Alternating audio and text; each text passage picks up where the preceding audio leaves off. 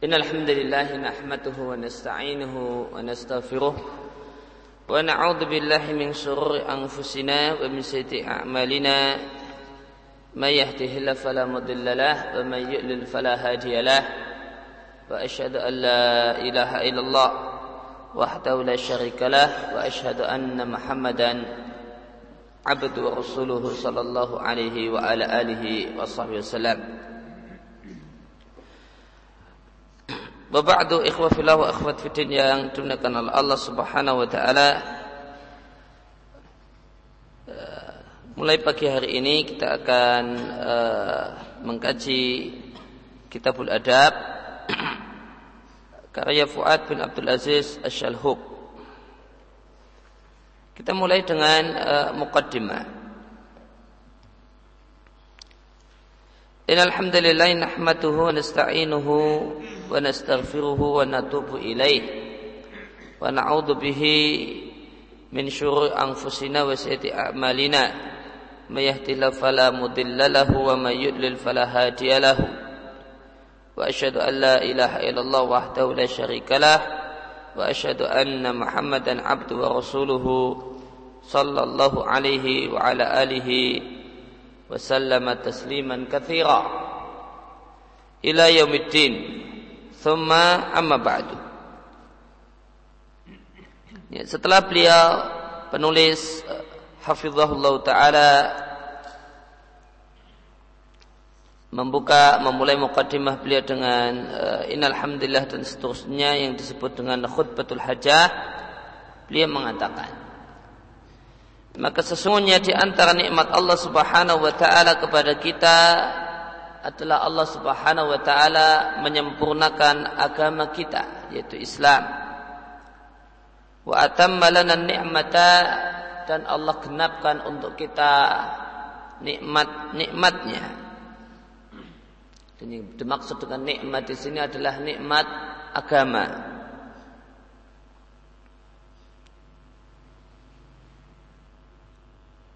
Karena nikmat itu ada dua macam.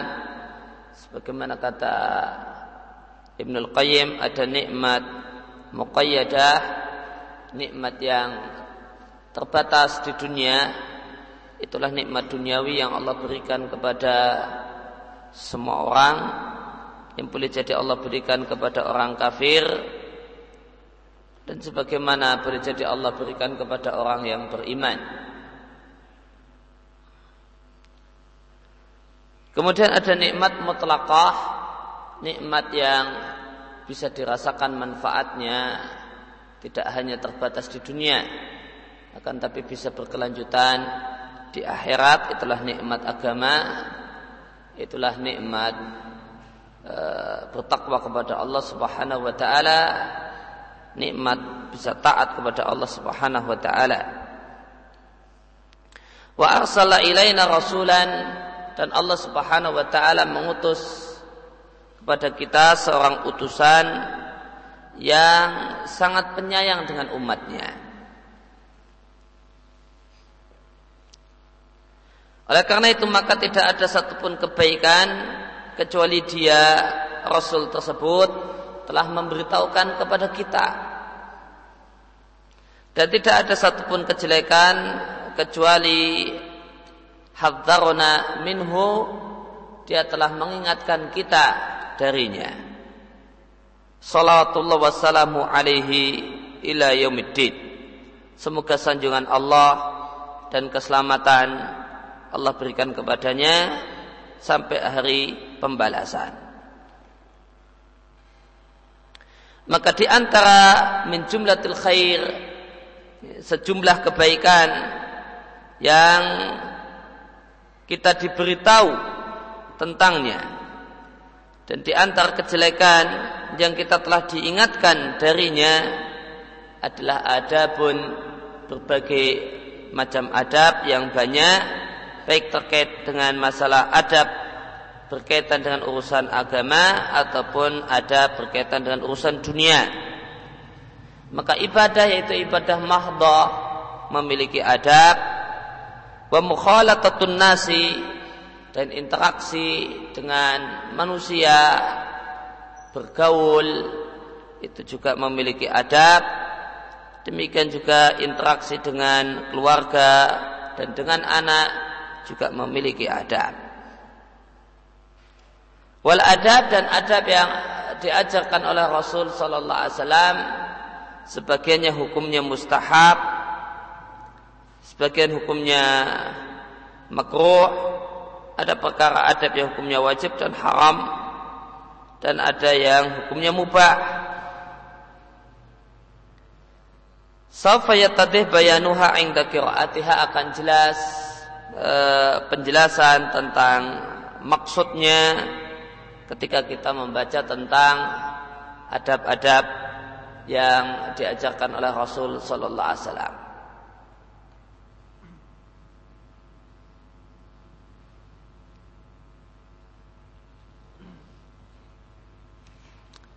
Wa mimma yang bari dikru dan di antara hal yang patut untuk kita sebutkan dan kita ingatkan bahasanya para ulama baik dari masa salaf ataupun masa khalaf baik e, generasi awal Islam ataupun setelahnya mereka tidaklah membiarkan dan tidaklah meninggalkan bab ini masalah ini yaitu bab adab tuna tasnifin tanpa menulis buku Bahasa lainnya, maka para ulama dari masa salaf dan masa khalaf telah menulis buku khusus membahas tentang masalah ada. Bal ulifat fi oleh bahkan telah ditulis tentang bab adab berbagai risalah, berbagai buku tipis, wal kutub ataupun buku-buku yang tebal dan jumlahnya banyak. Dan boleh jadi di antara buku yang terkenal yang membahas tentang masalah adab adalah Zadul Ma'ad fi Hati Khairil Ibad karya Ibnu Qayyim Qayyimil Jauziyah.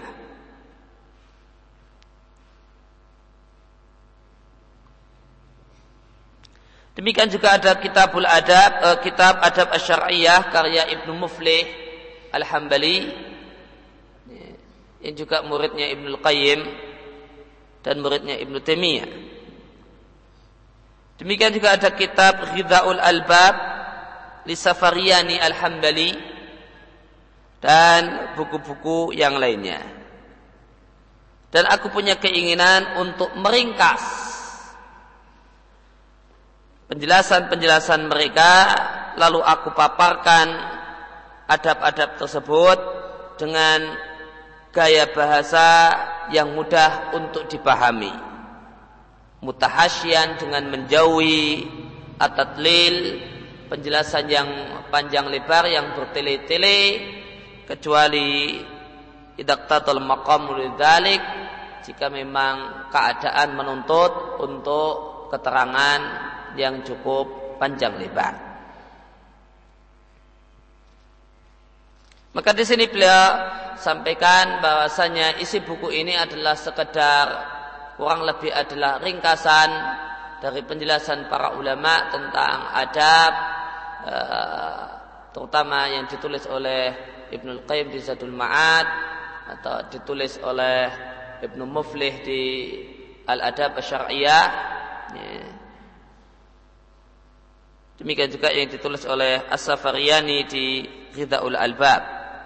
Ya, cuma bedanya dengan buku-buku yang lain, eh, buku-buku tersebut adalah beliau berupaya agar uh, gaya penuturan dan penyampaiannya itu gaya yang sederhana, bahasa yang mudah, ringan, ya, cair, yang mudah untuk dipahami.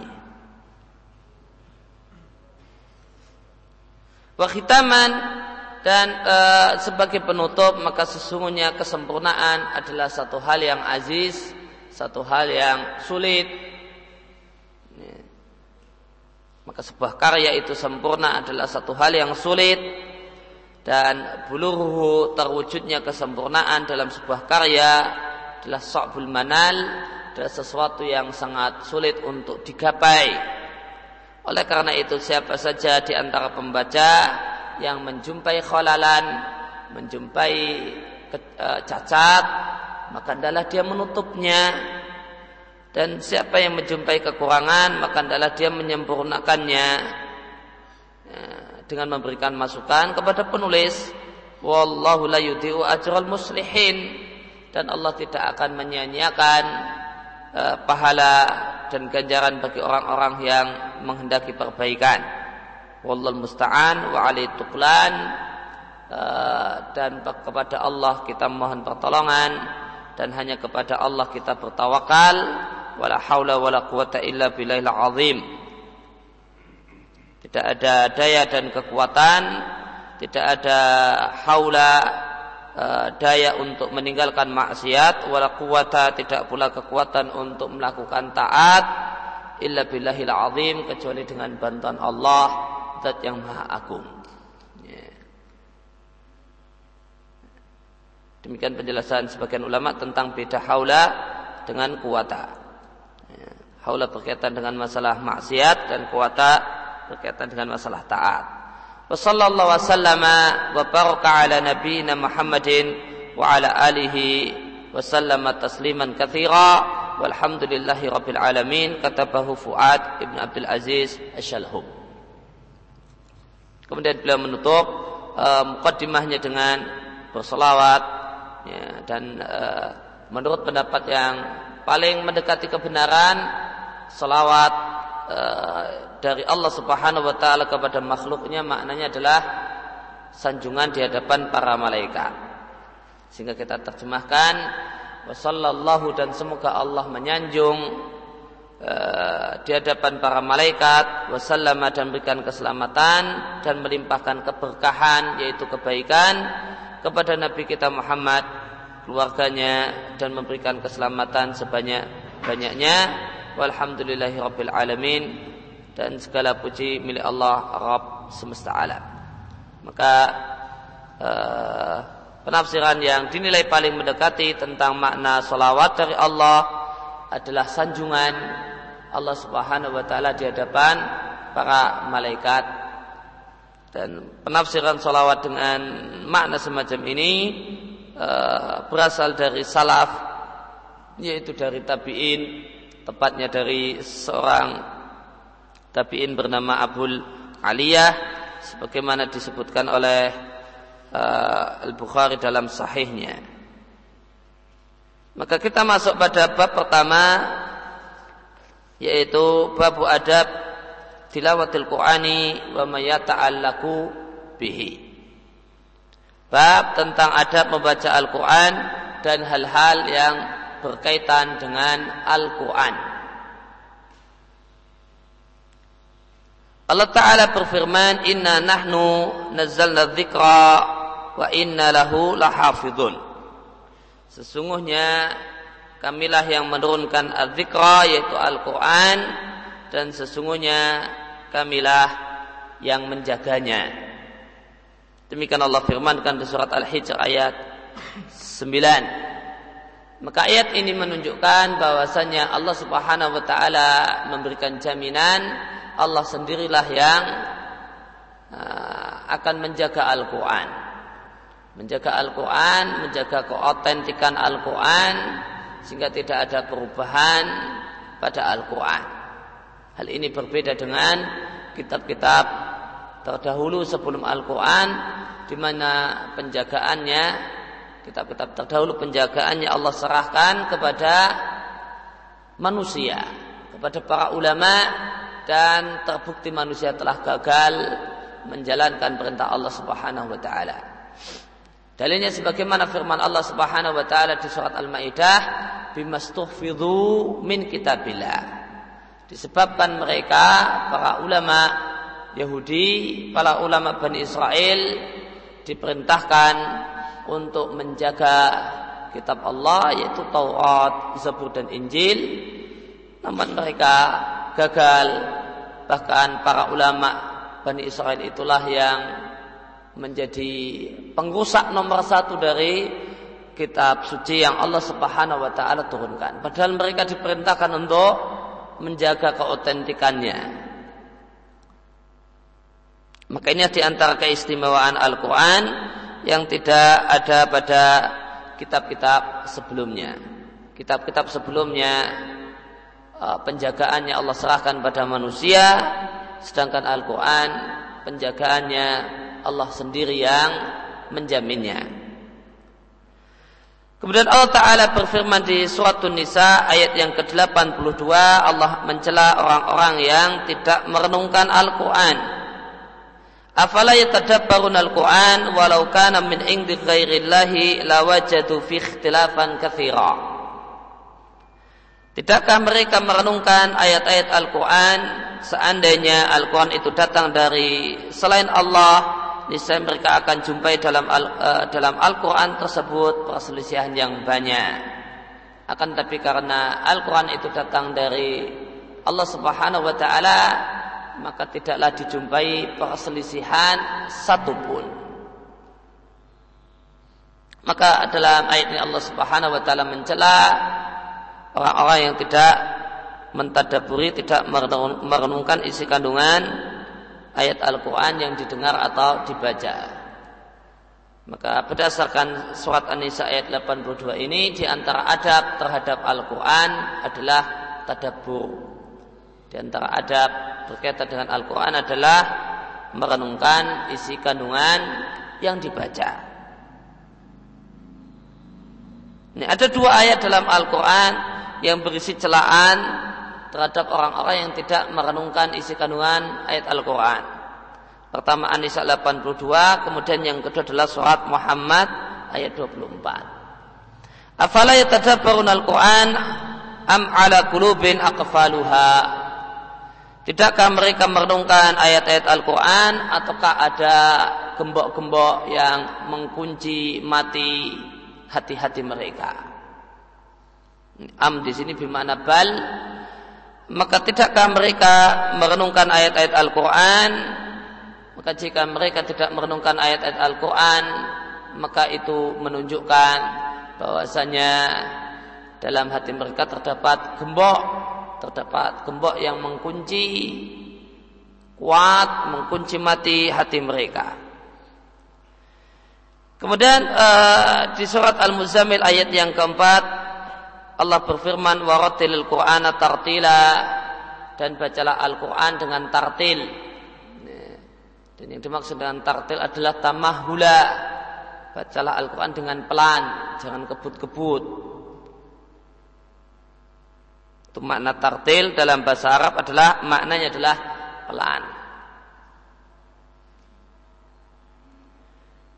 Maka di antara adab dalam baca Al-Quran adalah tidak kebut-kebut, dalam membaca ayat-ayat Al-Quran. Kemudian Nabi Shallallahu Alaihi Wasallam uh, bersabda berkaitan dengan keutamaan berkumpul untuk membaca Al-Quran di masjid. Wamajtama'a kaumun fi baitin min buyutillahi yatluna kitaballahi wa yatadarasunahu bainahum illa nazalat alaihimus sakinah wa ghasyatuhumur rahmatu wa hafathumul malaikatu wa dzakarahumullahu fiman indahu Tidaklah berkumpul sekelompok orang di salah satu rumah Allah yaitu masjid. Yatluna kitab Allahi mereka di masjid tersebut mereka membaca ayat-ayat Al-Quran. Maka hadis ini dalil bahwa di antara tempat yang utama untuk membaca ayat Al-Quran adalah di masjid. Wa bainahum dan mereka saling mempelajari Al-Quran di antara sesama mereka. Maka jika terdapat sekelompok orang yang berada di masjid untuk membaca ayat Al-Quran dan mempelajarinya, maka ada empat keutamaan yang Nabi janjikan Pertama adalah nazalat alaihi musakinatu uh, turunlah ketenangan kepada mereka. Maka jadilah mereka orang-orang yang memiliki jiwa-jiwa yang tenang, hati-hati yang tenang. Yang kemudian wa rahmah uh, rahmat Allah Subhanahu wa taala meliputi menutupi mereka. Yang ketiga wa hafathumul malaikah para malaikat mengerumuni mereka. Bahkan para dijelaskan dalam hadis yang lain, bahkan para malaikat mengerumuni uh, majelis semacam ini, tempat semacam ini sampai mereka bertumpuk-tumpuk sehingga langit dunia. Wadzakarahumullah fi man indah dan Allah menyebut-nyebut nama-nama mereka orang yang hadir di majelis tersebut fi man indahu di hadapan para malaikat yang ada di sisi Allah Subhanahu wa taala. Maka dalam hadis ini terdapat keutamaan e, berkumpul untuk membaca Al-Qur'an. Dan berkaitan dengan masalah berkumpul untuk membaca Al-Qur'an, maka dijelaskan oleh Syekh Muhammad bin Shalih Utsaimin di Sarah Arba'in An-Nawawiyah ketika menjelaskan hadis ini beliau mengatakan bahasanya berkumpul untuk membaca ayat Al-Quran, membaca Al-Quran itu ada tiga macam. Yang pertama, berkumpul untuk membaca ayat Al-Quran, e, membaca jami'an semuanya, semua yang hadir membaca dengan satu suara, dengan dikurkan,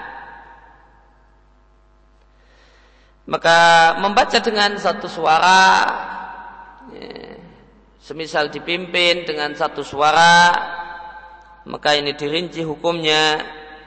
Yang pertama, jika dalam rangka pengajaran, maka hukumnya tidaklah mengapa seorang pengajar Al-Quran baca satu ayat, setelah itu di, diikuti oleh murid-muridnya, sehingga hanya uh, maka sehingga suaranya adalah suara yang dibarengkan.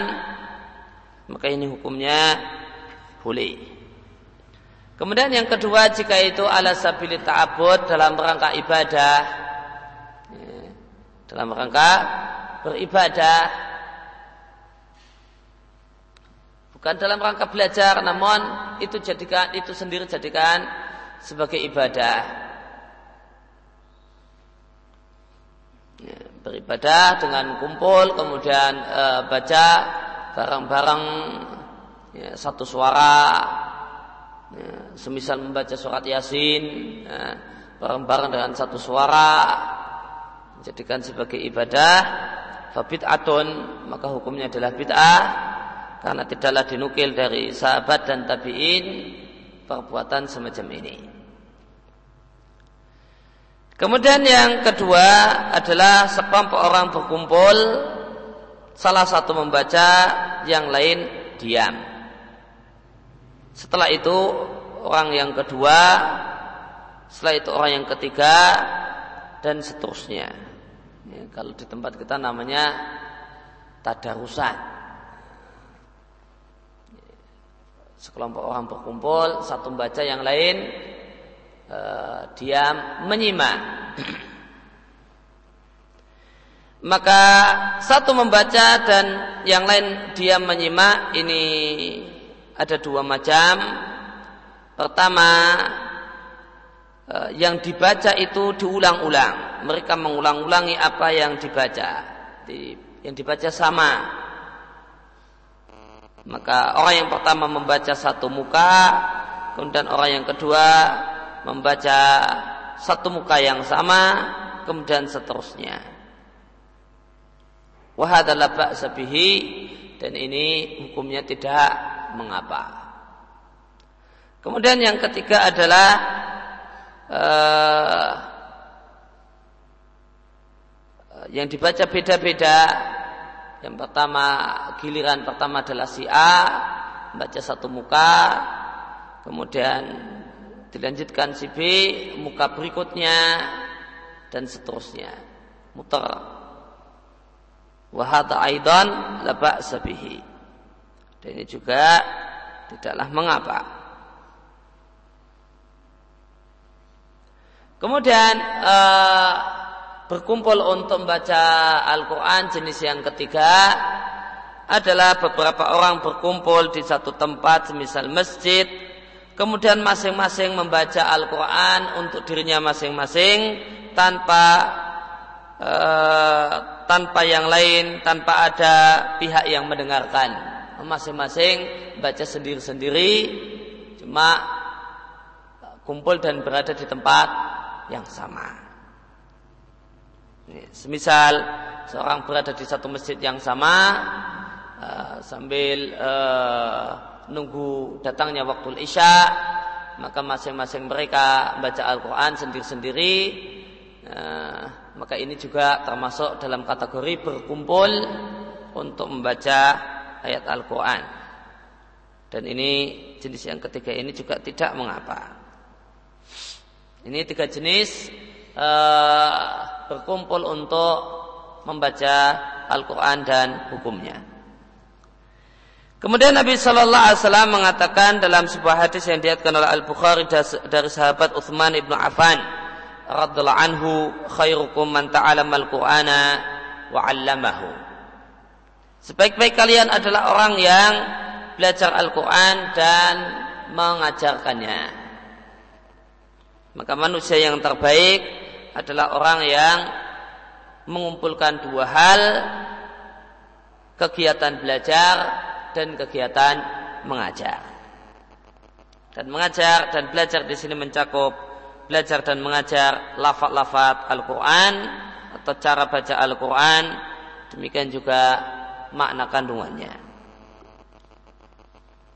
Dan Nabi Shallallahu Alaihi Wasallam mengatakan dalam sebuah hadis yang diatkan oleh Al Bukhari dan Muslim dan redaksinya adalah redaksi Muslim, Al mahiru bil Qur'ani ma'as safaratil kiramil pararati. Sehingga orang yang lancar membaca Al Quran maka dia akan bersama as-safarah para malaikat yang mereka adalah makhluk-makhluk yang mulia, eh, makhluk-makhluk yang mulia al-bararah lagi baik hatinya Ya. Al-kiram di sini berkaitan dengan fisik, uh, berkaitan dengan uh, penam, uh, fisik, al-bararah itu berkaitan dengan hati. Maka malaikat adalah makhluk Allah Subhanahu wa taala yang uh, fisiknya menawan, memiliki kebagusan dari sisi fisik. Sebagaimana Allah berfirman tentang Jibril, Dumiratin fastawa. Jibril adalah Dumiratin. Mirah maknanya jamal. Adalah makhluk yang cakep. Ya. Maka malaikat adalah makhluk yang Allah Subhanahu wa taala berikan uh, kegantengan, kecakapan wajah. Oleh karena itu ketika banyak perempuan-perempuan Mesir terkagum-kagum dengan kecantikan atau ke, e, gantengnya Yusuf. Maka mereka mengatakan mahada basyara in hada illa malakun karim. Ini bukan manusia ini malaikat.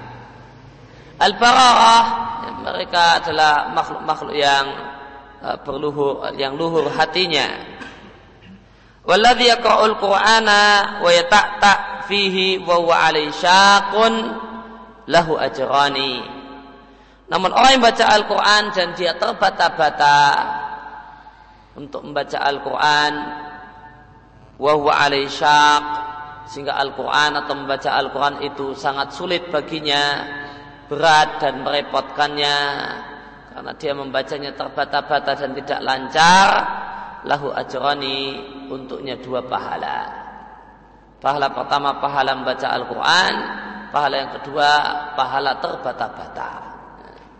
Maka terbata-batanya diberi ganjaran. Bukan hanya membacanya, namun repotnya dan susahnya membaca Al-Quran satu hal yang Allah hargai, satu hal yang bernilai pahala.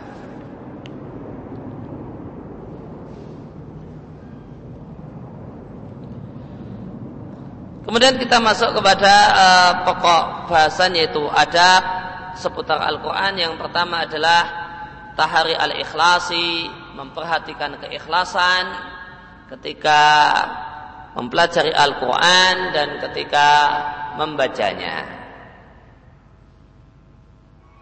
Karena membaca Al-Quran adalah ibadah yang sepatutnya ibadah itu niatnya adalah mencari wajah Allah berharap agar bisa menjadi sebab memandang wajah Allah Subhanahu wa taala di surga. Dan semua amal yang dilakukan oleh seorang hamba untuk mendekatkan diri kepada Allah Subhanahu wa taala namun tidak ada padanya dua syarat diterimanya amal yaitu ikhlas karena Allah Subhanahu wa taala dan mengikuti Nabi sallallahu alaihi wasallam fa mardudun ala sahibi maka amal tersebut akan dikembalikan kepada pelakunya artinya sia-sia tidak ada nilainya tidak dapat ganjaran, tidak dapat pahala, bahkan dapat dosa.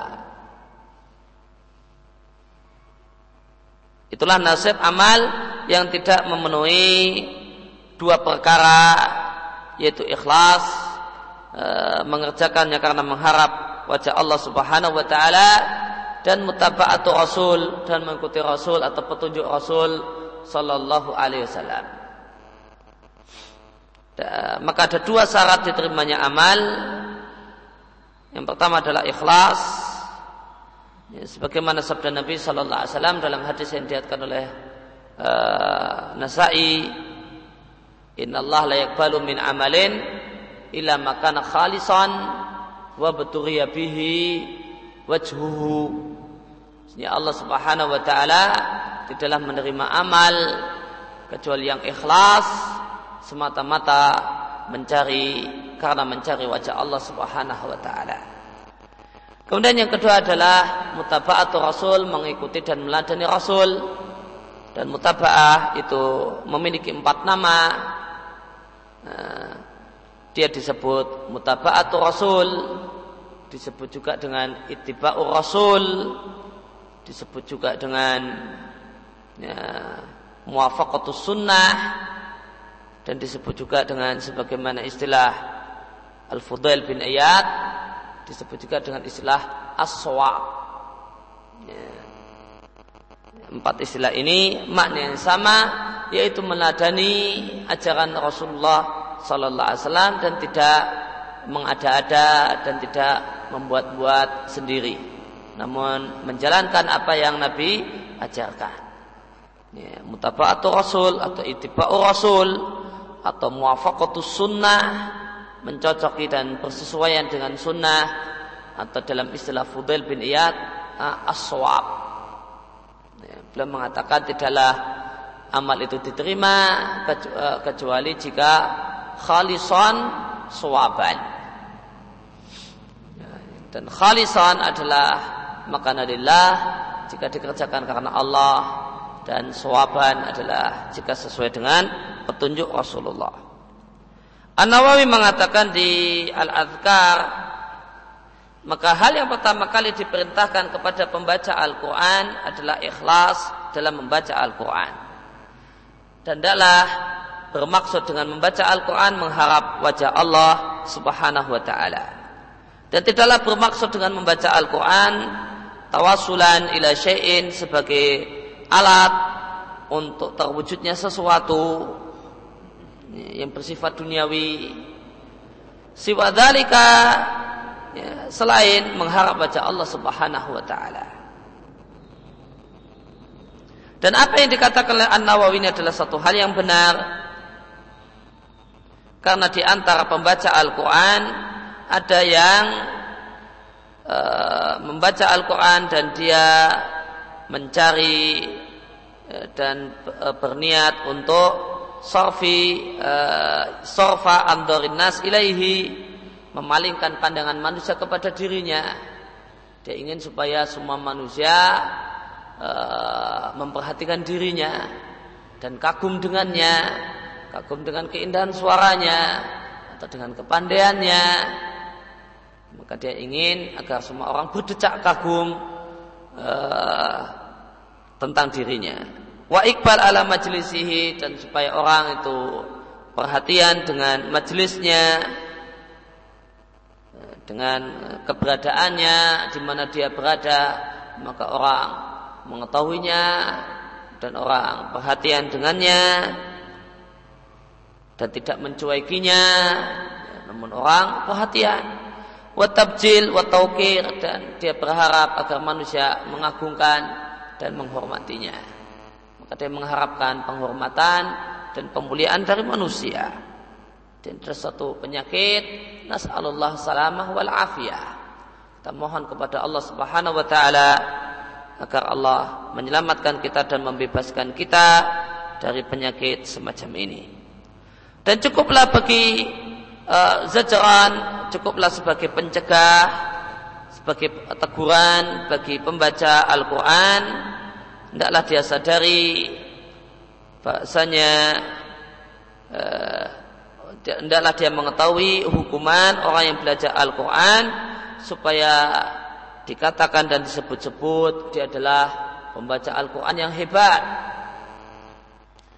Hukumannya ada dalam sebuah hadis yang diatkan oleh Muslim dalam sahihnya dari Abu Hurairah radhiyallahu anhu annahu qal beliau mengatakan Sami'tu Rasulullah sallallahu alaihi wasallam yaqul aku mendengar Rasulullah sallallahu alaihi wasallam bersabda In awalan nasi yuqda yaumal qiyamati alaihi rajulun ustushhida Rajulun ustushhida fa'utiya bihi fa'arafahu fa'arafahu ni'amahu fa'arafaha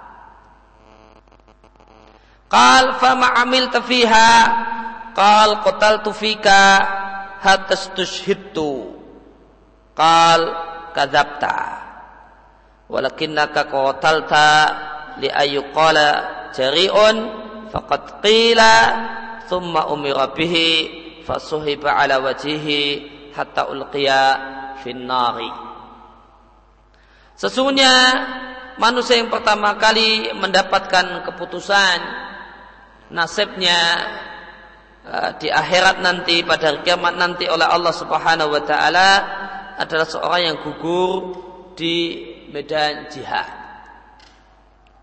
Maka orang tersebut ditatangkan menghadap Allah fa'arafahu lalu Allah sebutkan kepadanya nikmat-nikmatnya lalu dia pun mengakuinya betul aku telah menerima semua nikmat-nikmat tersebut dan mendapatkannya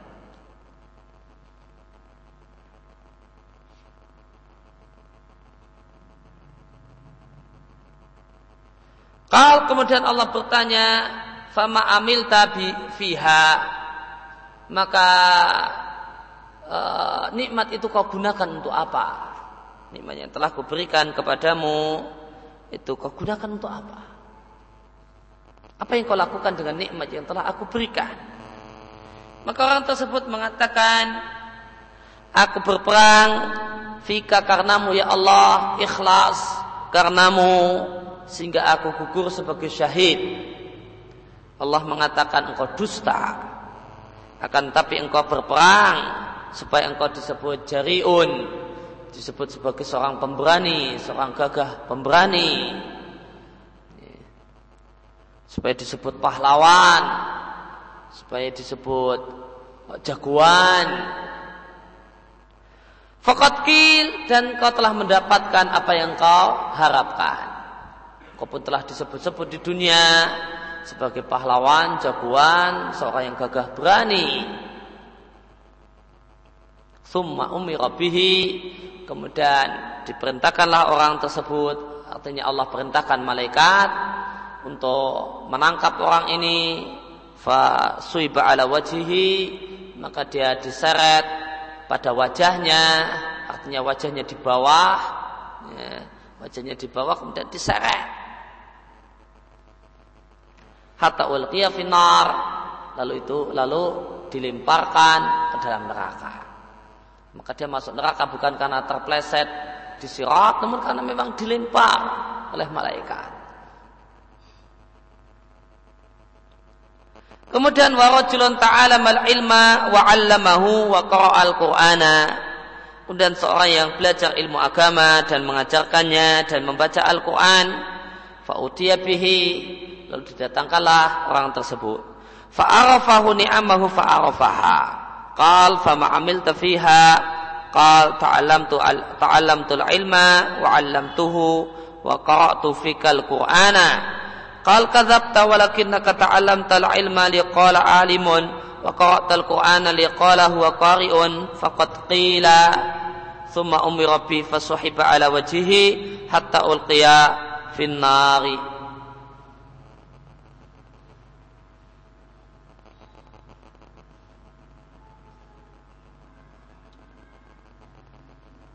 Kemudian seorang uh, kemudian orang yang belajar ilmu agama dan orang yang membaca Al-Quran ini didatangkan menghadap Allah lalu Allah pun menyebut-nyebut nikmatnya yang telah dia berikan kepada uh, hambanya ini. Fa'arafaha lalu dia pun mengakuinya. Kalau dia telah mendapatkan nikmat itu semua lalu Allah pun bertanya kepadanya Lalu amal apakah yang kau kerjakan dan kau lakukan dengan nikmat yang telah aku berikan? Maka dia mengatakan, aku membaca, aku gunakan nikmat yang kau berikan, kesehatan, napas, usia muda, uang dan yang lainnya yang kau berikan kepadaku ya Allah untuk ta'alam tul ilma, untuk belajar ilmu agama, untuk mengajarkannya dan aku membaca Al-Quran fika ikhlas karenamu maka Allah mengatakan kadapta engkau dusta, engkau belajar agama supaya engkau disebut-sebut ulama, supaya disebut-sebut al-ustad, nah, nah, atau sebutan yang lain dan engkau membaca Al-Quran supaya orang-orang menyebut-nyebut dirimu sebagai qari, orang yang hebat dalam membaca Al-Quran. Fakat kila dan kau telah mendapatkan apa yang kau harapkan di dunia Orang-orang pun telah menyebut-nyebutmu dan menghormatimu dengan sebutan ulama, dengan sebutan alim ulama, dengan sebutan ustad dan semisalnya. Thumma umira kemudian Allah perintahkan malaikat untuk uh, menyeretnya lalu orang ini pun diseret pada wajahnya lalu dicampakkan ke dalam api neraka. Inilah, uh, inilah uh, dan orang yang ketiga adalah orang yang kaya raya uh, dan dia rajin bersedekah, namun niatnya adalah supaya disebut dermawan. Inilah tiga manusia yang menjadi kata Nabi bahan bakar api neraka yang pertama kali. Maka manusia yang pertama kali Allah campakkan ke dalam neraka yang menjadi bahan bakar api neraka adalah tiga manusia ini yang ketiganya melakukan amal-amal yang istimewa akan tapi semua amal istimewanya itu tidak ada nilainya gara-gara uh, tidak dikerjakan karena ikhlas karena Allah semata. Dan patut diketahui bahasanya uh, ketika hendak menyampaikan hadis ini Abu Hurairah pingsan tiga kali. Baru uh, baru membacakan baru sami itu Rasulullah sallallahu alaihi wasallam pingsan. Nah, ditunggu lama bangun. Sami itu Rasulullah sallallahu alaihi wasallam pingsan lagi. Ditunggu lama lagi sama murid-muridnya bangun sami itu Rasulullah sallallahu alaihi wasallam pingsan lagi. Untuk membacakan hadis ini, untuk menyampaikan hadis ini Abu Hurairah pingsan tiga kali karena ngerinya. Ya, karena e, betapa ngerinya isi kandungan hadis ini.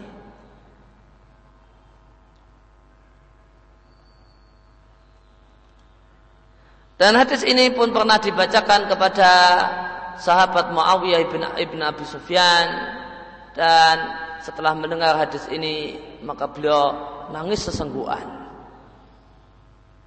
Karena ngerinya isi hadis ini, tidak main-main. Nah.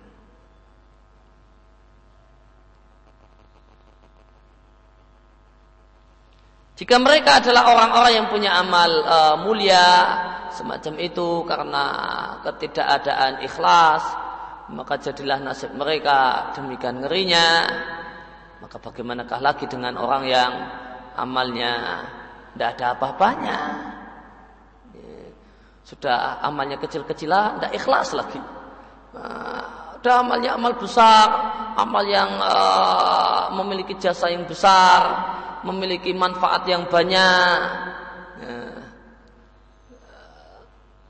Yang boleh jadi banyak uh, banyak sekolah atau banyak uh, uh, banyak proyek sosial dia selesaikan oleh si dermawan banyak orang yang jadi pintar berilmu uh, dengan dakwahnya si alim dan menangnya kaum muslimin atas orang-orang kafir disebabkan uh, peperangannya orang yang berjihad maka punya peran-peran yang demikian besar luar biasa namun itu semua tidak ada nilainya karena berangkatnya tidak ikhlas karena Allah semata. Bagaimanakah dengan amalnya yang uh, dengan orang yang amalnya tidak jelas, yang nggak jelas manfaatnya, dengan amal yang pas-pasan, nggak ikhlas lagi, gimana? Apa nggak lebih ngeri?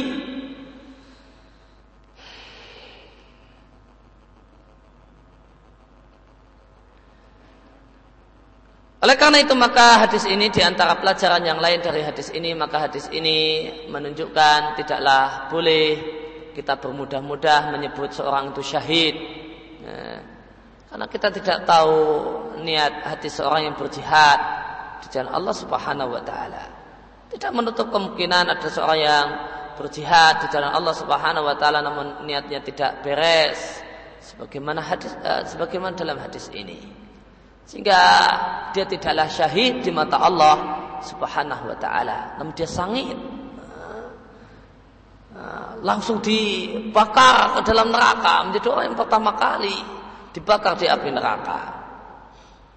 Maka orang tidak boleh bermudah-mudah uh, untuk semata-mata melihat lahiriah seseorang, kagum dengan amal seseorang, kemudian bermudah-mudah untuk memberikan pujian yang kurang tepat, yang tidak pada tempatnya. Kemudian hadis ini menunjukkan bahasanya Allah Subhanahu wa taala itu berfirman dan firman Allah itu ada huruf dan suaranya sehingga terjadi dialog antara Allah Subhanahu wa taala dengan hamba-hambanya. Kemudian adab yang kedua ya, adab pertama yang kita baca tentu ini ini adalah adab yang wajib Kemudian adab yang kedua adalah al-amal bil Quran, beramal dengan isi kandungan Al-Quran, bitahlili halalihi, dengan menghalalkan halalnya Al-Quran. Tahlilil halal maknanya adalah meyakini halalnya apa yang dihalalkan oleh Al-Quran.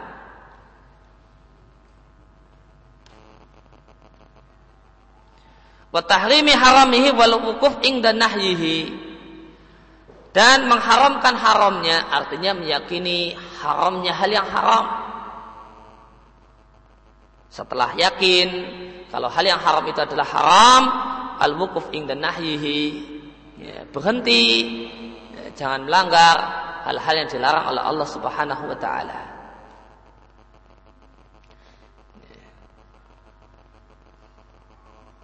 Wal dan melaksanakan apa yang Allah perintahkan dan beramal dengan ayat-ayat yang muhkam dan beriman dengan ayat-ayat yang mutasyabih yang tidak jelas maknanya.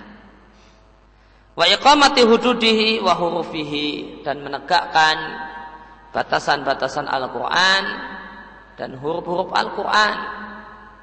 Maka di antara adab membaca Al-Quran adalah menunaikan hak-hak huruf.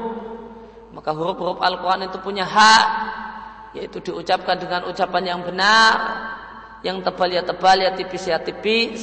Ya, mungkin adalah hak-hak huruf Al-Quran yang wajib ditunaikan. Demikian pula punya kewajiban untuk menegakkan hudud batasan-batasan Al-Quran. Ini terlarang ini terlarang maka jangan diterjang. Ini diperintahkan maka jangan ditinggalkan. Itu yang disebut dengan uh, hudud Al-Quran, batasan-batasan yang diberikan oleh Al-Quran.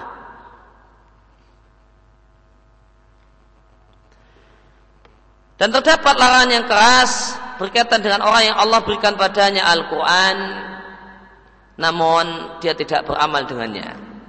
Dalam saya Bukhari dari uh, tentang mimpi Nabi Sallallahu Alaihi Wasallam, Nabi diperlihatkan dalam mimpinya tentang siksaan yang ada di alam kubur. Dan mimpi Nabi adalah wahyu, beda dengan mimpi manusia-manusia yang lain. Dan ketika itu Nabi mimpi dituntun oleh dua malaikat, ya, itu uh, Jibril dan Mikail. Kala keduanya mengatakan intalik, marilah berangkat. Fantalakna hatta ataina ala rajulin mutajiin ala kufahu. Maka berangkatlah kami. Kami bertiga, dua malaikat dan Nabi Sallallahu Alaihi Wasallam. Sampai kami mendatangi seseorang, seorang yang mutajiin uh, ala kofahu tidur terlentang, tidur di atas tengkuknya, tengkuknya di bawah, tidur terlentang. Mutajiin ala kofahu, tidak tengkurak, namun terlentang. Nah di dekat orang yang tidur terlentang ini rajulun qaimun ala ra'sihi ada seorang yang berdiri di dekat kepala orang yang tidur terlentang. Ada orang yang tidur terlentang, di dekat kepalanya ada orang yang berdiri.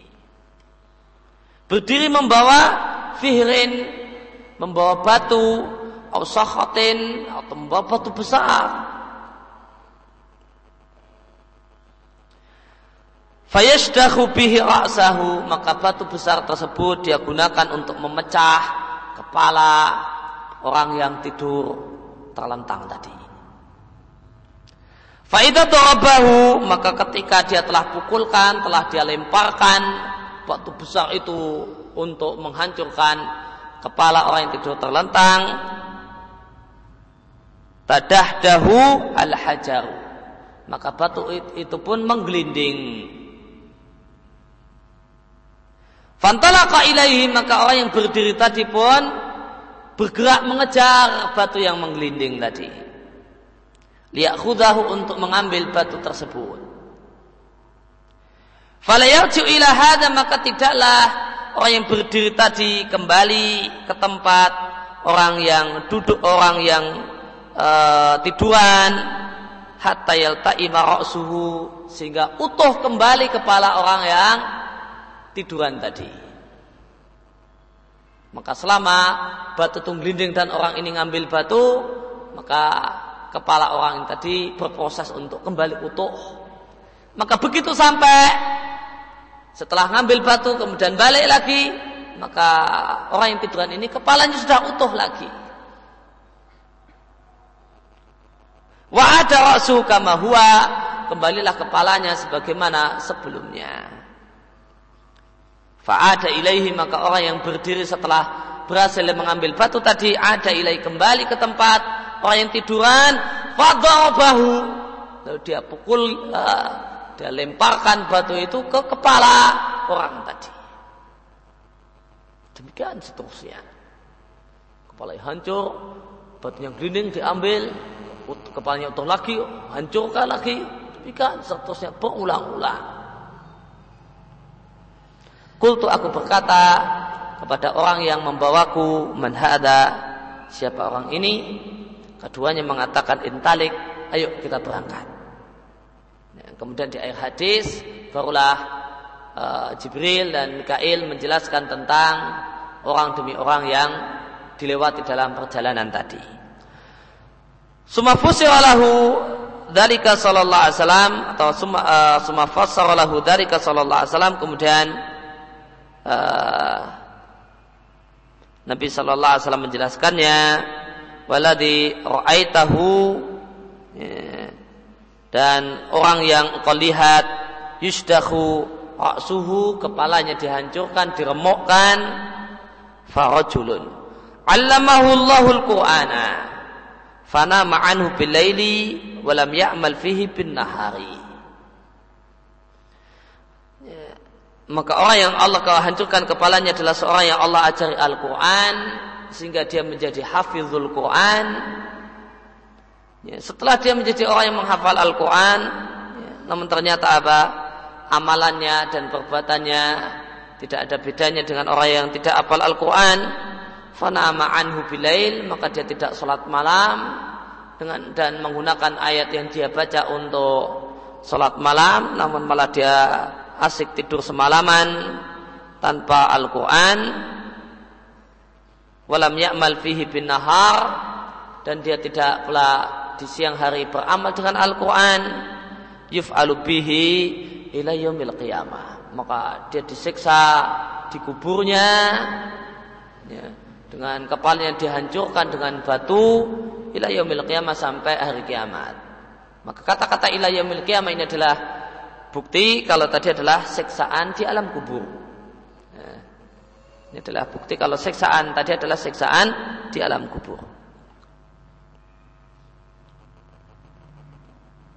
Kemudian hadis ini menunjukkan uh, di antara waktu yang terbaik untuk membaca Al-Quran adalah malam hari. Maka ada celaan orang yang telah Allah ajarkan kepadanya Al-Quran, kok semalaman tidak baca Al-Quran. Maka waktu di antara waktu yang terbaik untuk memperbanyak membaca Al-Quran maka membaca Al-Quran di malam hari itu lebih afdol daripada membaca Al-Quran di siang hari.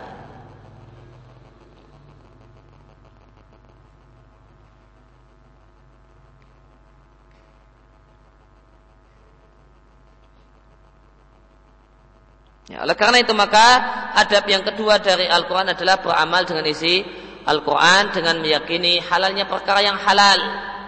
Kalau perkara itu perkara halal atau mubah, yang namanya perkara mubah tidak wajib dilakukan, tidak dianjurkan untuk dilakukan, namun wajib diyakini mubahnya.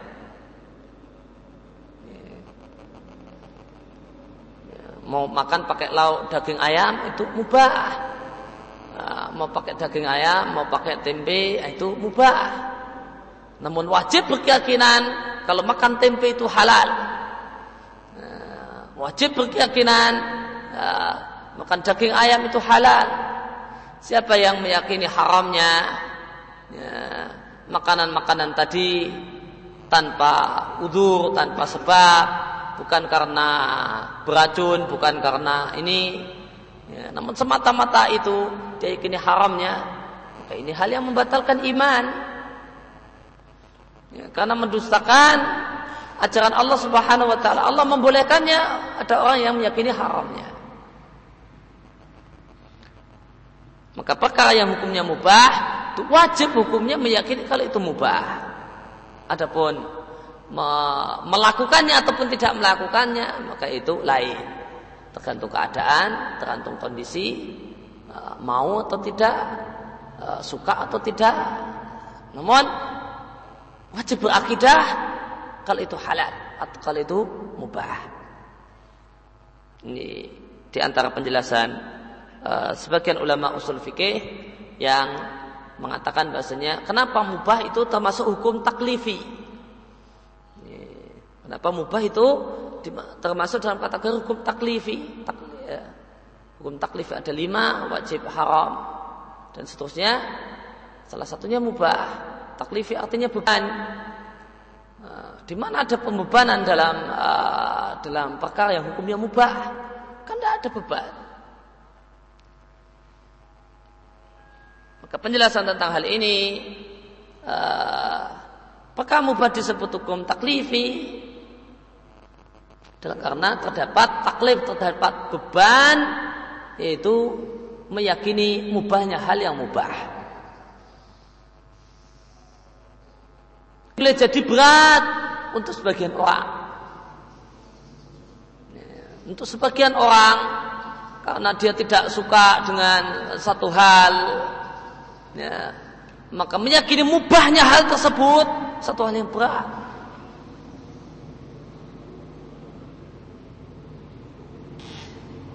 Maka di sini ada pembebanan.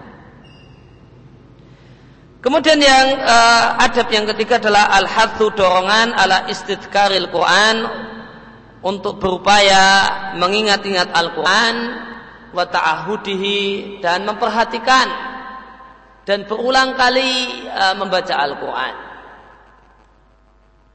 Yang dimaksud dengan istiskarul Quran berupaya untuk mengingat-ingat Al-Quran adalah al-muwadhabatu ala tilawati wa tulabu dzikri. Adalah rutin membaca Al-Quran wa tulabu dzikri dan berupaya untuk ingat. Ya. Jika dia adalah seorang yang hafal Al-Quran atau sebagian Al-Quran, maka dia rutin membaca apa yang telah dia ingat, apa yang telah dia hafal, dan dia berupaya untuk mengingatnya. Kemudian ta'ahud. Ta'ahud maknanya adalah tajdidul ahdi. Ahdi maknanya waktu. Memperbarui waktu berjumpa dengan Al-Quran. Maka ta'ahudil Quran itu artinya memperbarui waktu ketemu Al-Quran. Pagi udah ketemu Al-Quran, nah, siang ketemu lagi, sore ketemu lagi, malam ketemu lagi. Nah ini namanya ta'ahudul Quran. Di mana orang itu uh, memperbarui waktunya untuk berjumpa dengan Al-Quran bimulazamatihi dengan uh, terus menerus membaca Al-Quran watilawatihi dan membacanya.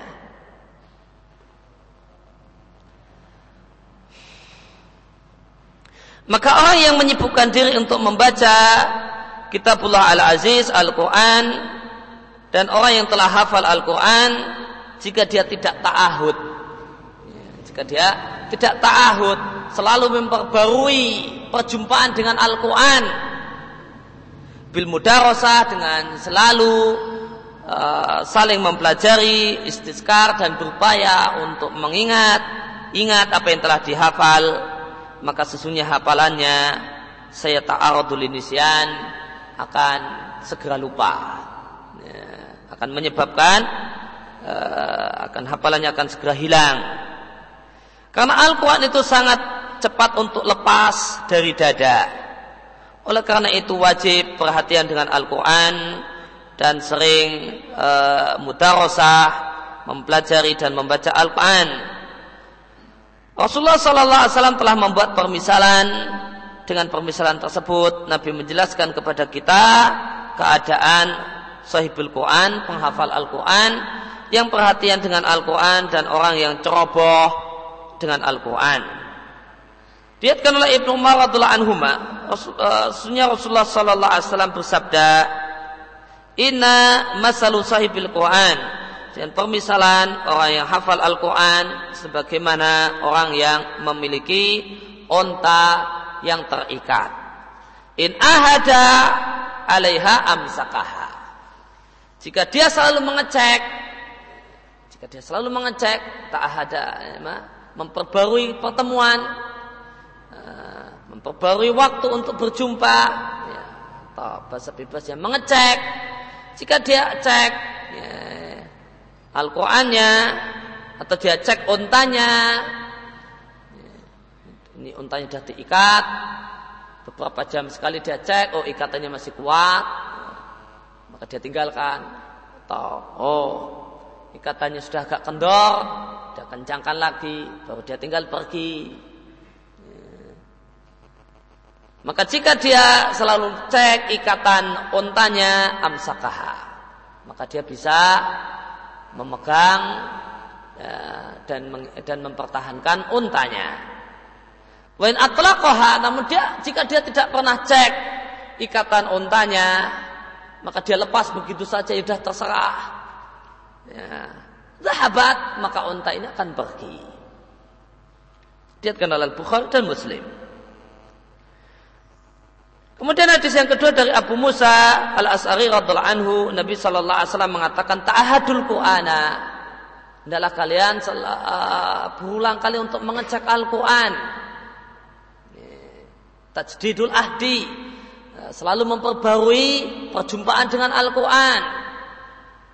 Fawalladhi nafsi biyadih demi Allah dat yang jiwa pada di tangannya lahwa sungguh Al Asyadu tafasian minal ibil uh, sangat mudah lepas dibandingkan dengan onta dalam ikatan talinya.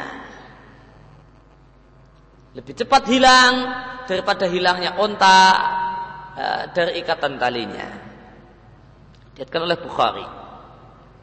Al-Hafidh Ibnu Hajar uh, menjelaskan permisalan yang dibuat oleh Nabi Wasallam dengan beliau katakan, Sabbaha darsal Qur'ani.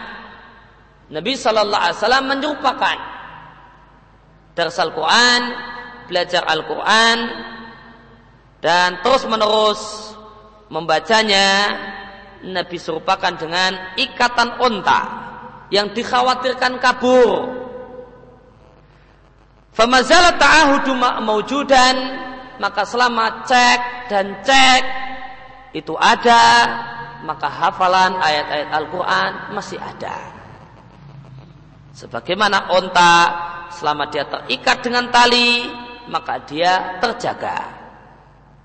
Jika sudah sudah tidak dicek, talinya sudah tidak dicek-cek, maka sebagaimana ayat Al-Quran yang tidak sudah lama tidak dicek, maka tiba-tiba ternyata sudah hilang dari hafalan, dari ingatan. Nah di sini kata Ibnu Hajar kenapa Nabi memilih onta yang jadi bahan contoh onta yang terikat, kenapa tidak kuda yang terikat atau keledai yang terikat? Kenapa? Contohnya adalah onta yang terikat.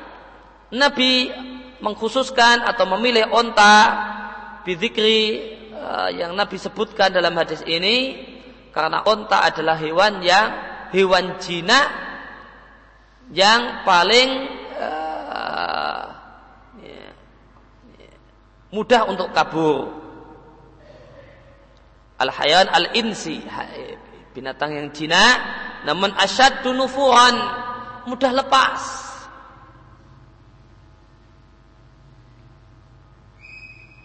mudah hilang jinaknya wa idza wa dan e, mendapatkan dan menangkap onta setelah dia e, benar-benar lepas kejinaannya suubah adalah satu hal yang sangat-sangat sulit.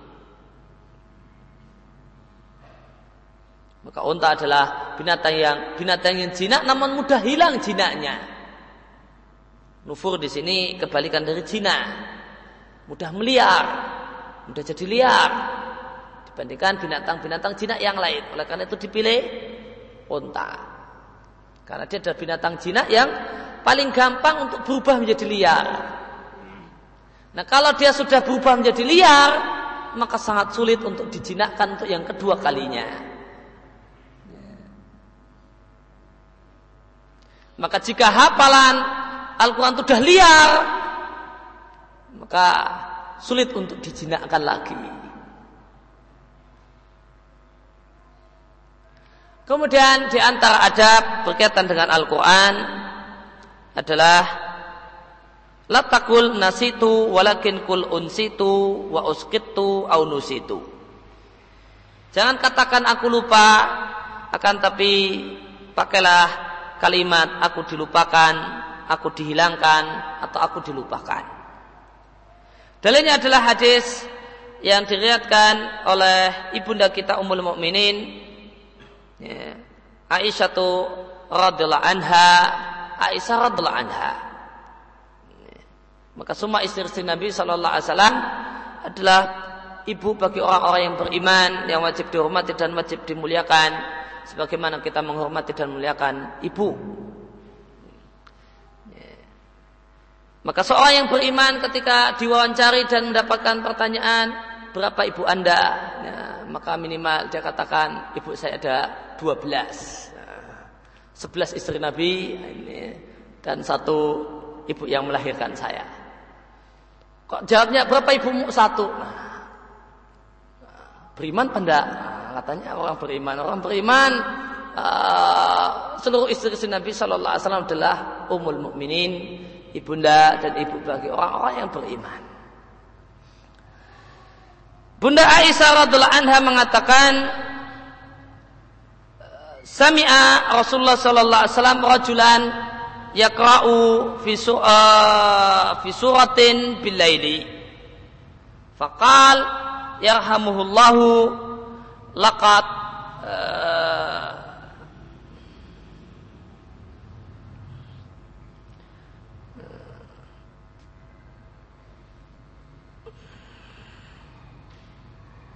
Azkarani ayat kada wa kada kuntu unsituha min surati kada wa kada. Wa inda muslimin laqad azkarani ayata ayatan kuntu usqituha min surati kada wa kada. Rasulullah Sallallahu Alaihi Wasallam pernah mendengar ada seorang yang membaca satu surat di waktu malam. Fakal maka Nabi Shallallahu Alaihi Wasallam mengatakan, semoga Allah menyayanginya. Sungguh dia telah menyebabkan aku teringat dengan ayat ini dan itu yang aku terlupa darinya. Yang ayat tersebut berasal dari surat ini atau surat itu. Dalam salah satu ayat Muslim, sungguh dia telah mengingatkan aku dengan satu ayat yang aku telah, terhi, uh, telah kehilangan ayat tersebut dari surat ini dan itu. Dalam hadis Ibnu Mas'ud radhiyallahu anhu Rasulullah sallallahu alaihi wasallam mengatakan bisa bisa mali ahadihim. Sungguh jelek betapa jeleknya salah satu mereka. Mereka mengatakan sebagian orang mengatakan nasitu ayat kaita wa kaita bal huwa nusia Sebagian orang mengatakan aku lupa ayat dan itu. Bahkan yang benar dia dilupakan. Diatkan oleh Bukhari dan Muslim. An-Nawawi menjelaskan uh, hadis di atas dengan mengatakan dalam hadis di atas terdapat pelajaran yaitu uh, dibencinya, terlarangnya ucapan lupa dengan ayat ini dan ayat itu. Dan uh, makruh di sini adalah karohatu tanzihin makruh yang murni makruh. Karena para ulama makruh itu e, dalam istilah sebagian ulama e, terbagi menjadi dua, ada makruh tahrim dan ada makruh tanzih. E, makruh, makruh tahrim ya sama dengan haram. Namun menggunakan kata-kata makruh. Makruh yang makruh itu disebut makruh tanzih.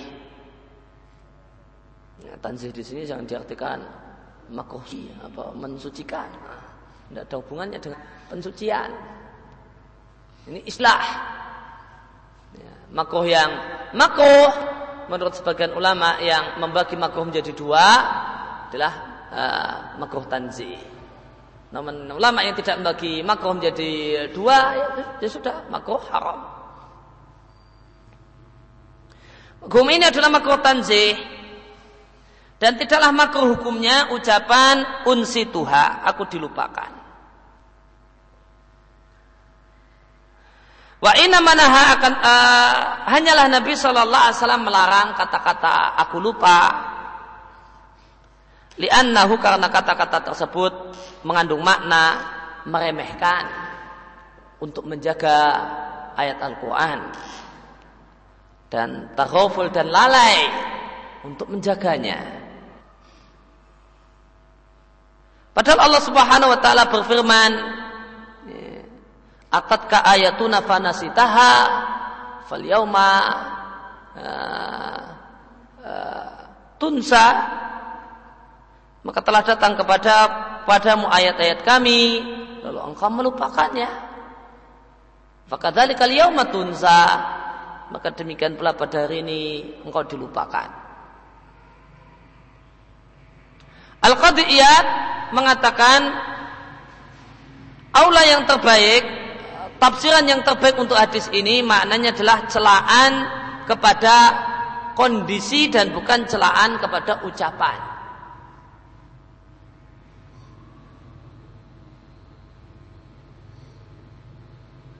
Maka nas itu uh, adalah uh,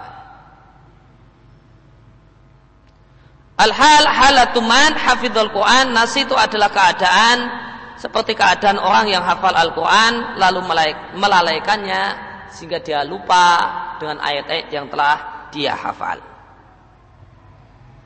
Jadi kalau qadiyat mengatakan uh, bahasanya uh, ya, maksud hadis adalah celaan kepada keadaan. Celaan keadaan pada keadaan orang yang hafal Quran, bukan pada ucapan. Maka seorang itu mengatakan saya lupa kapan? Kalau dia nggak berojaah, dia nggak pernah baca, nggak dia pernah nggak uh, ta'ahud, nah, maka nanti jadinya saya lupa ayat. Dan kalau orang itu perhatian dengan uh, dengan murojaahnya, dengan hafalannya, kok karena satu dan lain hal, karena kesibukan yang banyak, padahal dia sudah mengupayakan untuk uh, mengulang-ulang bacaan, mengulang-ulang hafalan, maka statusnya adalah unsi itu. Aku dilupakan. Maka ini celaan kepada uh, pada keadaan orangnya dan bukan pada ucapannya. Itu kalau iya. Sedangkan An-Nawawi sendiri mengatakan uh, ucapannya juga tercela. Ucapannya makruh. Dan ucapan ini makruh, ucapan semacam, semacam ini makruh, kenapa? Kan Maka Nabi nggak bolehkan mengucapkan nasi itu. Namun yang Nabi bolehkan unsi itu dalam artian apa? Jagalah ayat Al-Quran. Nah, kalau ada yang lupa, nah, anda komentarnya unsi itu. Bukan berarti orang yang melalaikan Al-Quran kemudian dia tetap mengatakan unsi itu. Tidak. Orang yang tidak perhatian untuk membaca hafalan Quran, dia tidak punya hak untuk mengatakan nusi itu. Dia tidak punya hak.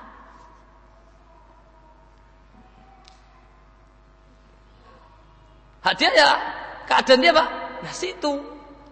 Karena dia telah melalaikannya. Karena dia telah ceroboh dengan hafalannya.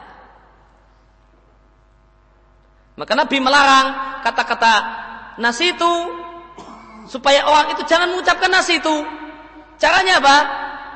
Supaya orang jangan mengucapkan nasi itu jaga hafalan.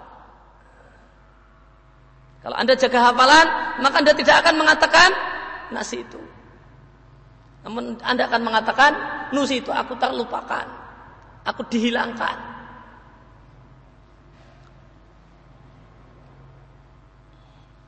Maka Nabi melarang ucapan ini dengan tujuan, dengan maksud supaya orang itu memperbaiki keadaan. Supaya dia memperbaiki keadaan dirinya sehingga dia tidak mengucapkan ucapan itu.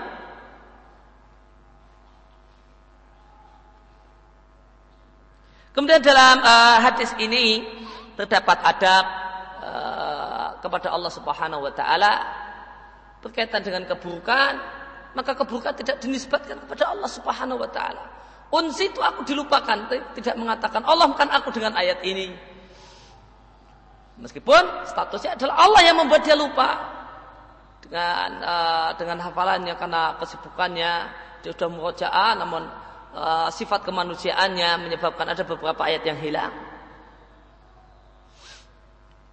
Maka Allah yang melupakannya namun tidak dikatakan tidak Allah tidak disebut ta'aduban sebagai bentuk adat dan sopan santun kepada Allah Subhanahu wa taala.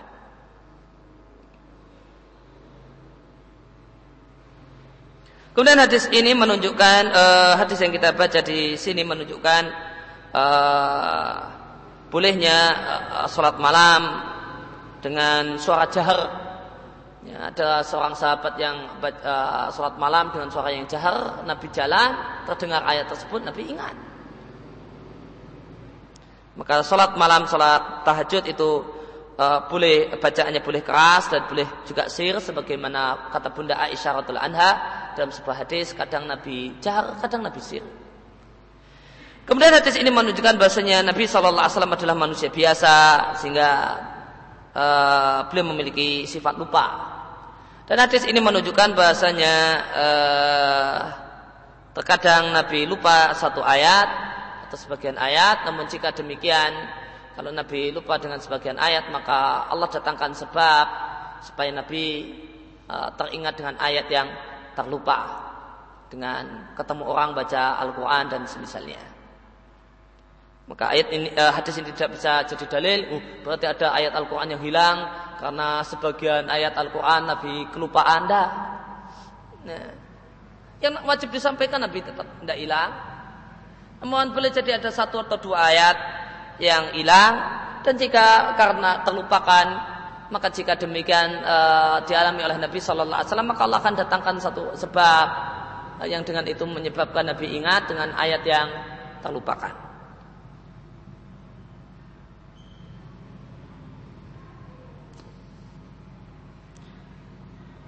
Kemudian uh, yang terakhir di pagi hari ini adalah permasalahan ma hukmu man hafidhul Quran. Apa hukum orang yang hafal seluruh Al-Quran atau sebagian Al-Quran kemudian dia lupa? Uh, jawabannya dijawab oleh uh, ter, uh, dalam fatwa Lajnah Daimah uh, di sana disampaikan tidaklah layak bagi orang yang hafal Al-Quran untuk lalai untuk membaca Al-Quran. Ataupun ceroboh dalam masalah ta'ahud mengecek hafalan Al-Quran Bal yang beri bahkan sepatutnya hendaklah dia jadikan untuk dirinya dari Al-Quran satu wirid harian. Maka hendaklah dia punya wirid harian, dia targetkan uh, setiap hari berapa juz yang harus dia baca, berapa lembar ya, untuk menjaga hafalannya. Ya, dia punya hafalan 5 juz atau 10 juz, maka dia harus targetkan berapa hari uh, dalam satu hari dia berapa baca berapa lembar untuk uh, dengan hafalan dalam rangka menjaga hafalan. Yusa itu yang dengan menjadikannya sebagai wirid harian, rutinitas harian, maka ini membantu untuk menghafalnya, wayahulu dan menghilangi terlupakan akan ayat-ayat tersebut. Ya.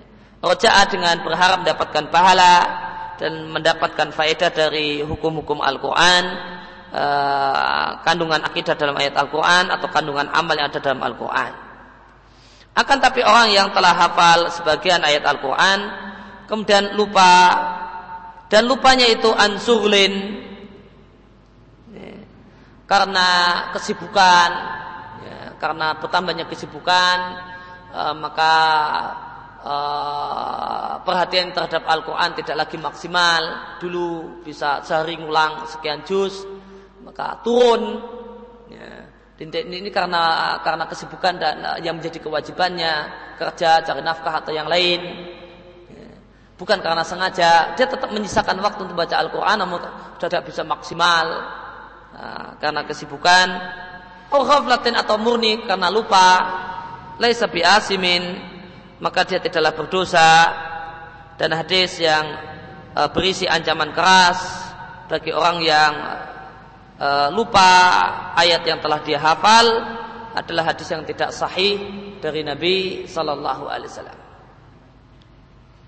Maka sebagian ulama berpendapat bahasanya orang yang hafal sebagian ayat Al-Quran kemudian terlupakan, e, maka orang semacam ini melakukan dosa besar karena terdapat hadis yang berisi ancaman keras bagi orang yang keadaannya semacam ini.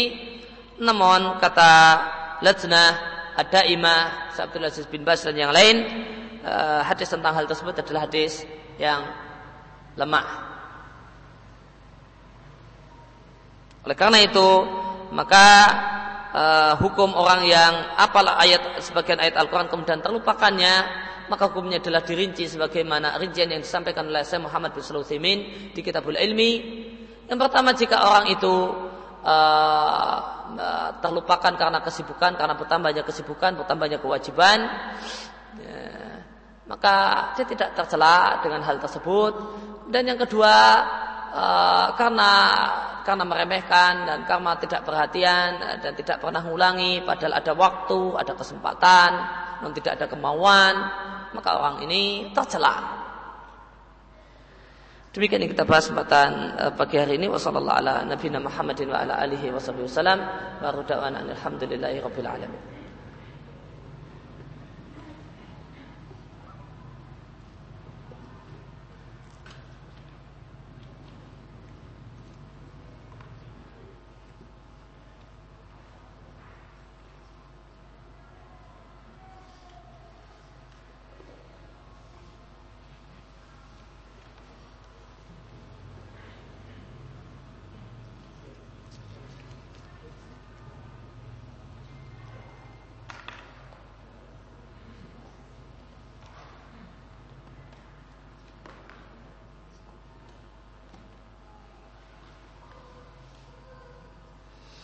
Jika kita sudah terlanjur meniup makanan, apakah status makanan tersebut berubah jadi haram? Tidak.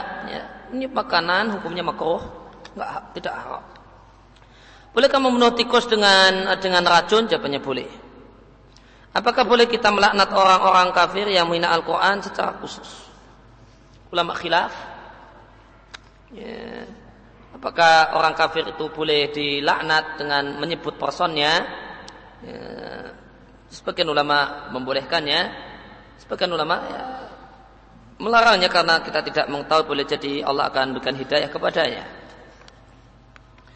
Ya, dan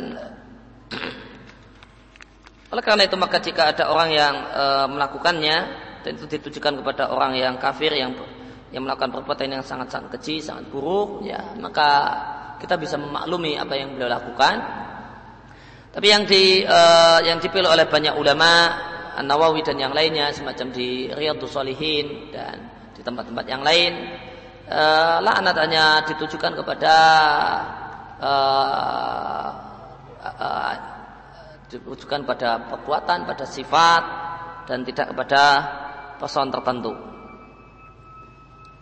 Akan tapi seandainya ada orang yang melakukannya maka ini adalah pendapat yang juga cukup kuat. Uh, untuk orang-orang yang berhak untuk dilaknat maka boleh dilaknat secara khusus. Dan kalau dari sisi pertimbangan dalil uh, pendapat yang membolehkan itu insya Allah pendapat yang lebih kuat. Ini pendapat yang dipilih oleh uh, Sa'al Al-Bani rahimahullah ta'ala dalam ta'liq beliau untuk bukunya Syekhul Islam Ibn Taimiyah Al-Ihtijat bil Qadar. Ini kan juga ini pendapat yang uh, dikuatkan oleh Syekh Ibrahim Ar-Ruhaili di kitab beliau Mauqif Ahli Sunnah. Ya, membolehkan untuk melaknat secara khusus person dengan menyebut nama eh, orang-orang tertentu yang memang uh, perbuatannya demikian jelek sehingga berhak dan layak untuk mendapatkan laknat.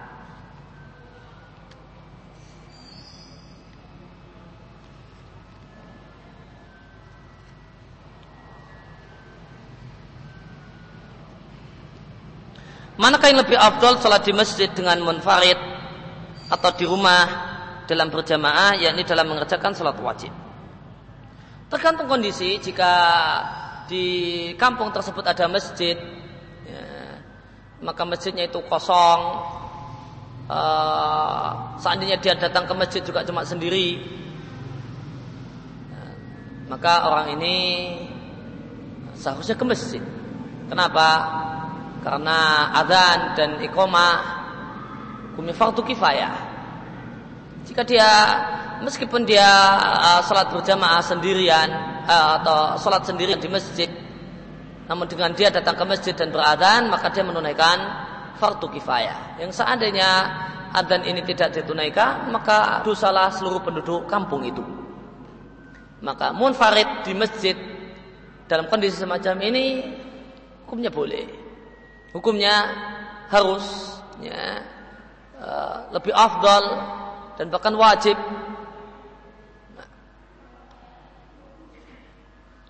Akan tapi jika orang itu telat ya, telat atau bangun uh, terlambat ya, dan dia yakin uh, uh, di masjid juga sudah bubar maka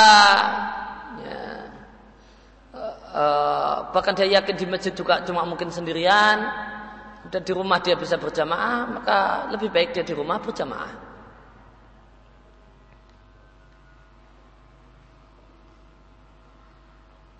Apa termasuk syirik ataukah bid'ah perbuatan kaum muslimin berzikir kepada batu? Agar batu tersebut berzikir kepada si mayat. Saya belum uh, punya gambaran uh, gimana aktivitas uh, ritual yang terjadi berzikir kepada batu. Maka tolong kepada penanya untuk memberikan gambaran gimana yang dilakukan, uh, apa uh, ritual apa yang dikerjakan.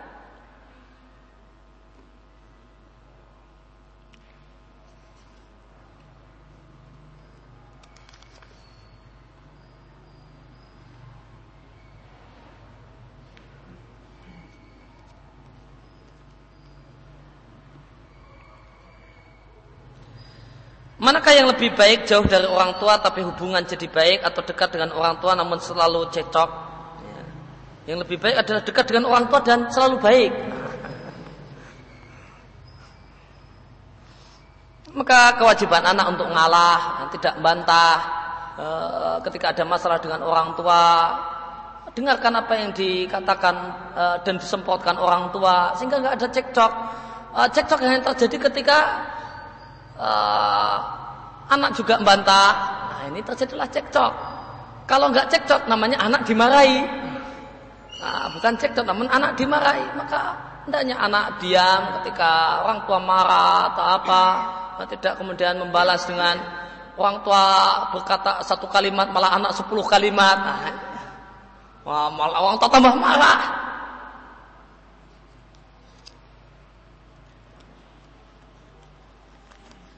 Ketika sholat wajib sendirian, baiknya dibaca sir atau jahar.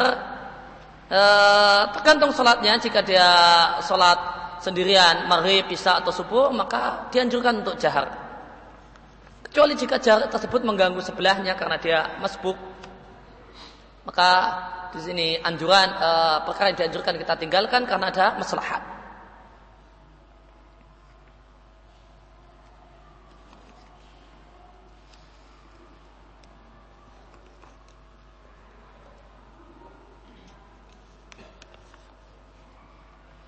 Orang yang jadi bahan bakar api neraka adalah orang yang salah dalam berjihad dalam membaca Quran dan berinfak apakah mereka lebih dulu masuk neraka daripada orang kafir? Zahir hadisnya demikian. Zahir hadisnya mereka lebih dulu. Namun lebih dulu tidak berarti selamanya. Ya, tentu lebih dulu bukan berarti selamanya. Nah, sebagaimana lebih dulu masuk surga bukan berarti derajatnya lebih tinggi. Nabi Shallallahu Alaihi Wasallam mengatakan bahasanya orang miskin yang uh, itu akan lebih dulu masuk surga uh, eh, 500 tahun sebelum orang-orang kaya. Non lebih dulu masuk surga bukan berarti derajatnya uh, itu lebih mulia. Belum jadi uh, telat, namun lebih tinggi derajatnya. Belum jadi ketinggalan 500 tahun, namun begitu masuk derajatnya lebih tinggi daripada yang duluan. Ya. Sebagaimana orang uh, daftar sekolah bukan berarti pendaftar pertama itu kemudian ranking satu. Boleh jadi yang pendaftar terakhir itu malah yang ranking satu. Maka Nabi cuma mengatakan karena orang miskin itu uh, sedikit hartanya maka sedikit hisapnya maka dia cepat masuk surga. Tapi ingat tapi tidak mengatakan derajatnya lebih tinggi di surga daripada orang kaya. Cuma dia lebih cepat masuk surga daripada orang kaya Adapun derajat maka itu berkaitan dengan takwa. Kalau orang kaya ini dengan hartanya dia lebih bertakwa daripada orang miskin dengan kemiskinannya, maka derajatnya lebih tinggi daripada orang yang miskin, meskipun orang miskin lebih dulu masuk surga.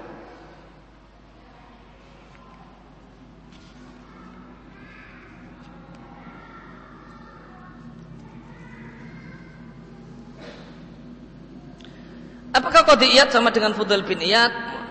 Dua orang yang berbeda dengan dengan rentang waktu yang sangat jauh. Uh, Fudail bin Iyad ini hidup di masa tabi'in. Sedangkan qadiyat ini uh, ulama madhab syafi'i. Dia datang belakangan. Ya. Namun uh, nama beliau sangat-sangat terkenal. Uh, kalau kita membaca kitab-kitab uh, bermadhab syafi'i atau tulisan ulama Syafi'iyah semacam An-Nawawi di Sarah Muslim maka berulang kali menyebut nama Qadiyat uh, yaitu menukil dari Sarah Qadiyat untuk Sahih Muslim.